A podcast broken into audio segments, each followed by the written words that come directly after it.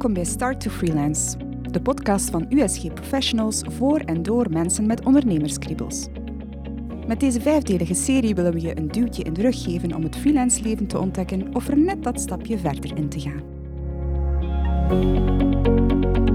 In aflevering 2 bekijken we tariefsetting. Hoe kan je inschatten welk tarief past bij jouw competenties? Waarmee moet je allemaal rekening houden als je een offerte opmaakt? En onderhandelen, hoe begin je daar eigenlijk aan? Guy van der Sande is competentiemanager bij USG Professionals en al 20 jaar freelance aan de slag. Hij maakt ons wegwijs in de wereld van de freelance tarieven.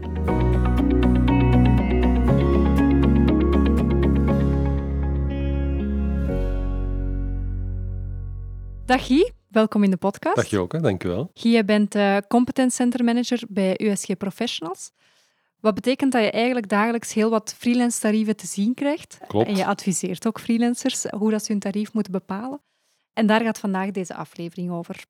Zeker voor startende freelancers is dat advies voor een tariefsetting wel, wel heel belangrijk of heel welkom. Dus mijn eerste vraag, hoe begin je daaraan, aan tariefsetting?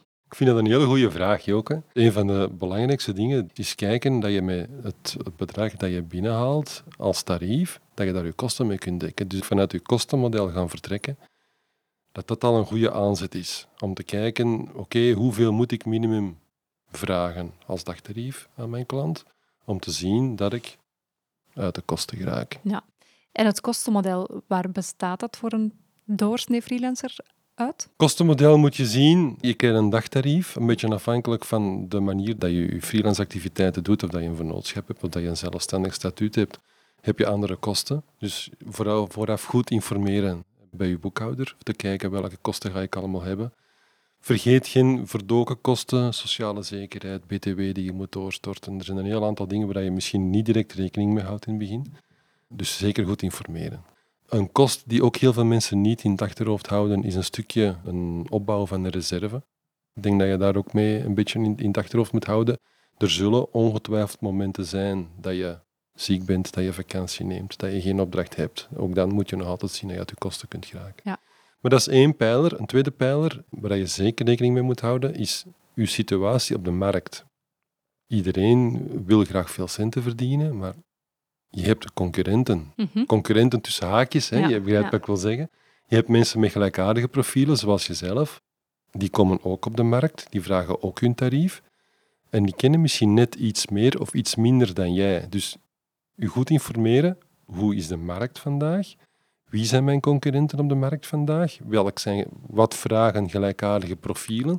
En dan ook uitgaan van worst case scenario's. Ga niet alleen bij de mensen die veel of een hoog tarief hebben per dag, maar ga ook eens rond bij de mensen waar je van vermoedt, oei, dat is misschien iets minder. Of bij klanten die bij klanten zitten die iets minder betalen. Ja. Informeer u goed. ja, en daar ben je eigenlijk een goede adviseur in. Hè? Want zoals ik in de introductie al zei, jij ziet heel veel tarieven, jij weet wat de gangbare tarieven Absoluut. zijn. Want als je niet komt op de markt, is het niet altijd gemakkelijk om te weten wie zijn mijn collega's en wie wil er open en transparant over zijn tarieven spreken. Klopt. Dus eigenlijk kunnen ze dan bij u komen aankloppen. Klopt. Wij hebben daar ook vanuit USG Easy bij de registratie van onze freelancers waar we mee samenwerken, vragen wij ook wat is uw tarief dat je verwacht. En de mensen proberen we daar ook in te adviseren om te zien is dat een tarief dat marktconform is.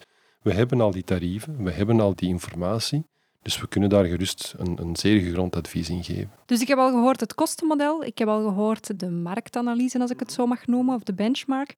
Wat zijn nog factoren waar je rekening mee moet houden? Wel, hoe graag wil je een bepaald project hebben? Dat het heel moeilijk is, of dat is, dat is mijn persoonlijke mening, dat het heel moeilijk is om één vast tarief te hanteren als freelancer. Je hebt je kostenmodel, dus je hebt je basistarief dat je moet hebben. Je weet ook dat je niet te hoog moet gaan, want er is een zekere markt die speelt daarin. Anderzijds, je projecten die je wil, ja, hoe liever dat je een project wil, hoe meer dat je misschien bereid bent om te gaan toegeven op je tarief. Je hebt een stuk inkomsten financieel, maar een project heeft ook een zekere waarde die geen financiële waarde heeft. Je gaat je cv opbouwen als freelancer. Je wil als freelancer een mooi profiel opbouwen in de loop der tijd. Dus er zijn bepaalde projecten, als je bij grote namen kunt werken aan heel interessante projecten, dat je misschien wel bereid bent om te zeggen, oké, ik ga hier iets, mijn tarief iets laten zakken om Ja. zeker binnen te Ja. halen. Omdat ik weet dat ik op termijn mijn tarief dan iets ga kunnen aanpassen naar boven, omdat ik die klant Ja. net gedaan heb. Dus ook dat is ervan afhankelijk. Ik denk ook, en dan kom ik een stukje terug naar uw, uw kostenmodel onrechtstreeks. Als je een klant hebt waar je bij wijze van spreken met de fiets naartoe kunt rijden, dat is een heel verschil tegenover dat je 100 kilometer moet gaan rijden met de wagen en misschien in, in de files elke dag terechtkomt. Dus er zijn een aantal dingen die dat dan onder andere mee gaan bepalen. Duurtijd van het project speelt ook wel een grote rol. Duurtijd van het project speelt een rol.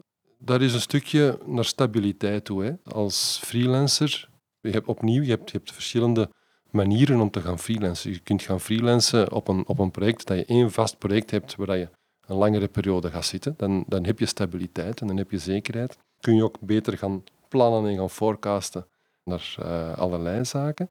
Aan de andere kant heb je ook mensen die zeggen van ik heb liever twee verschillende projecten of ik heb liever korte projecten. Een beetje afhankelijk van je eigen situatie. Ja. Ik heb altijd persoonlijk de voorkeur gegeven aan iets langere projecten, omdat je dan je work-life balance er ook een stukje mee in kunt nemen. Je kunt forecasts gaan maken, je kunt weten wanneer dat je vakantie kunt gaan plannen, je Ja. kunt een financiële forecast maken enzovoort.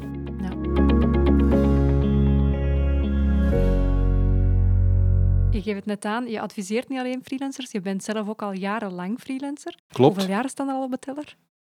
Ik ben begonnen oorspronkelijk in bijberoep in 2001, om het over te schakelen naar hoofdberoep in 2007 Ja. als freelancer. En heb jij doorheen die jaren een bepaalde evolutie gezien in het freelance domein, maar specifiek naar tariefzetting toe misschien?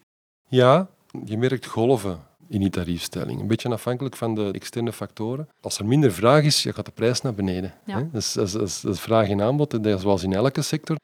Dus ik heb dat ook gezien de, de tijden van de financiële crisis, als er veel projecten gestopt werden bij de banken, bij de, bij de grote afnemers zeg maar, van externe resources.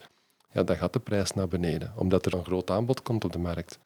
Dus je ziet dat zeker. Moet je je daar helemaal door laten beïnvloeden? Ik denk dat ook dat je een stukje moet uitgaan van je eigen sterktes als freelancer. Je hebt je profiel opgebouwd, liefst met een aantal mooie klanten, dat je, dat je een mooi visitekaartje hebt voor je klant. En dan is de klant nog altijd wel bereid om die expertise, om daar een stuk voor te betalen. Ja. Dus je hebt een golf, maar die golf heb je ook een stukje zelf in de hand als freelancer. En een laatste topic dat ik nog graag aan deze aflevering wil koppelen. Je hebt als freelancer jouw tarief bepaald en dan moet je gaan onderhandelen bij de potentiële opdrachtgever. Ja. Heb je daar nog tips voor ons? Ook daar is niet altijd eenvoudig. Er zijn factoren die meespelen, zoals ik straks zei. Je hebt financiële factoren, je hebt niet-financiële factoren. Hoe graag ben je op dat project? Als je kunt aantonen dat je een meerwaarde hebt voor je klant, dat je klant er wel in zal volgen. Als je een bepaalde meerwaarde kunt aantonen, resultaten kunt aantonen, kunt zeggen van kijk, de afgelopen periode heb ik dit en dit kunnen verwezenlijken. Als daar een, een waarde tegenover kan staan, uw klant heeft daar iets aan gehad, weet als ik jouw project verleng of aan een hoger tarief kan in, in, eh, aanhalen, als ik jou een hoger tarief kan inzetten, blijf jij. En dan is mijn continuïteit ook gewaarborgd. Dus er zijn een aantal factoren dat je kunt Ja. uitspelen tijdens die onderhandeling. Continuïteit, hoe belangrijk is het ook voor uw klant? Probeer u even in de schoenen van de klant te zetten. Hoe belangrijk is het voor hem of haar om, om jou te, aan boord te houden?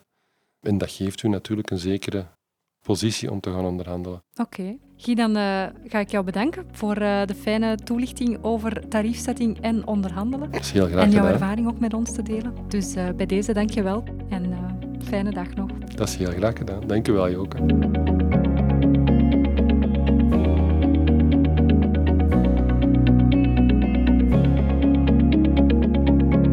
Wil je Guy bedanken of heb je zelf verhalen om te delen? Laat het weten via onze Facebook- of LinkedIn-pagina of met een voicemailtje via de link in deze podcast. Is dit interview nuttig voor iemand die je kent? Vergeet de podcast dan zeker niet te delen. In de volgende aflevering praten we met HR-manager Warda El Azouzi over personal branding. Graag tot dan!